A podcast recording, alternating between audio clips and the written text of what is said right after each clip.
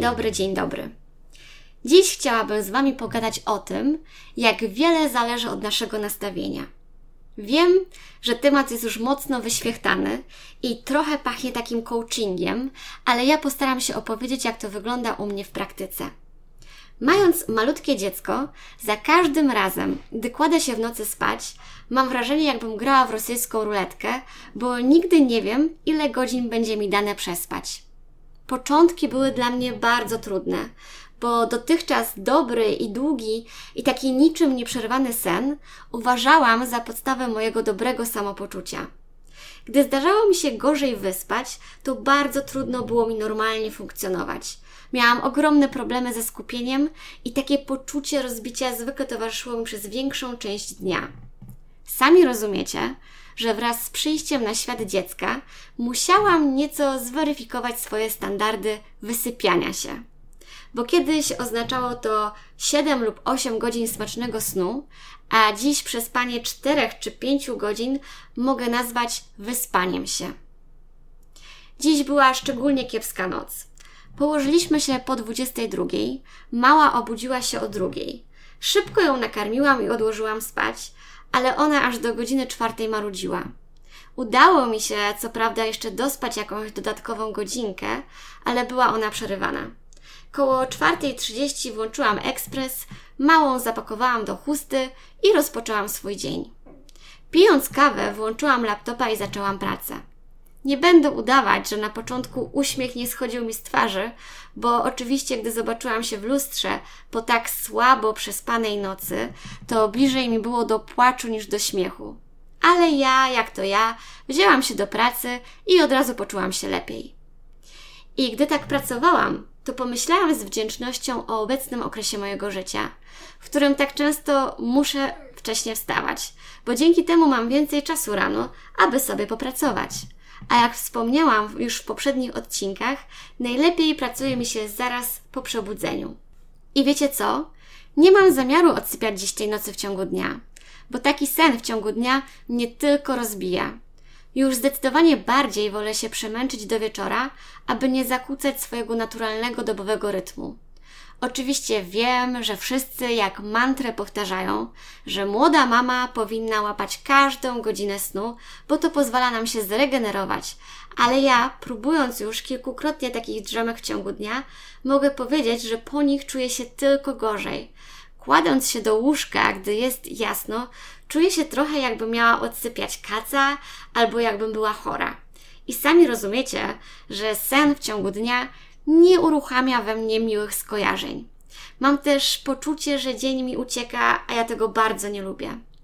Tak więc wybieram prowadzenie aktywnego życia mimo tych słabo przespanych nocy. Nie będzie to łatwe. Pierwszą rzeczą, która mi pomaga, to zaprzestanie opowiadania, jaka to jestem niewyspana. Takie gadanie na pewno nie doda mi energii. Jeśli ktoś pyta, jak się wyspałam, to krótko odpowiadam: nie było źle. W ten sposób nie muszę też kłamać, a taka krótka odpowiedź zwykle pozwala na niewchodzenie bardziej w szczegóły. Drugą rzeczą, która ma mi dodać energii, to zadbanie o swój wygląd zewnętrzny. Nikt mi nie powie, że tłuste włosy związane na czubku głowy i dres sprawią, że poczujemy się dobrze i że będziemy miały ochotę, aby wyjść na spacer i uśmiechać się do mijanych ludzi. Tak więc zdobywam się na wysiłek i maluję się lekko. Ubieram się w coś, w czym czuję się dobrze, a zarazem swobodnie, i za każdym razem jestem zdziwiona, jak bardzo to przekłada się później na moje pozytywne nastawienie. Następną, niesamowicie ważną rzeczą jest plan działania. Ileż to ja się nasłuchałam od młodych mam, że przez większość dni są kompletnie rozbite, że często nic im się specjalnie nie chce, bo czują się niewyspane i zmęczone. No cóż, prawda jest taka, że przez najbliższe pół roku będę się źle wysypiać i będę się czuć przemęczona. Ale to tym bardziej powinno mnie zmotywować, aby opracować plan działania i zamiast użalać się nad trudami macierzyństwa, starać się mimo wszystko aktywnie spędzać ten czas. W ten sposób można łatwiej zapomnieć o zmęczeniu. Dla mnie dużo ruchu na świeżym powietrzu jest bazą, bez której ciężko sobie wyobrazić dobry dzień. Im bardziej nie chce mi się wyjść z domu, tym bardziej wiem, że muszę to zrobić w trosce o samą siebie. Przewietrzenie głowy jest niezbędne dla dobrego samopoczucia. Czasami wystarczy tylko kilka minut na świeżym powietrzu, aby wrócić do domu z zupełnie innym nastawieniem.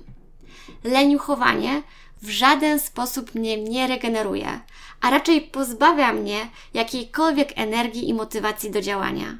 Zwykle wieczorem dopadają mnie ogromne wyrzuty sumienia, że całkowicie zmarnowałam dzień, który już nigdy się nie powtórzy. Więc zamiast kłaść się do łóżka, wypoczęta i szczęśliwa po dniu leniuchowania, ja czuję się tylko zmęczona i rozdrażniona.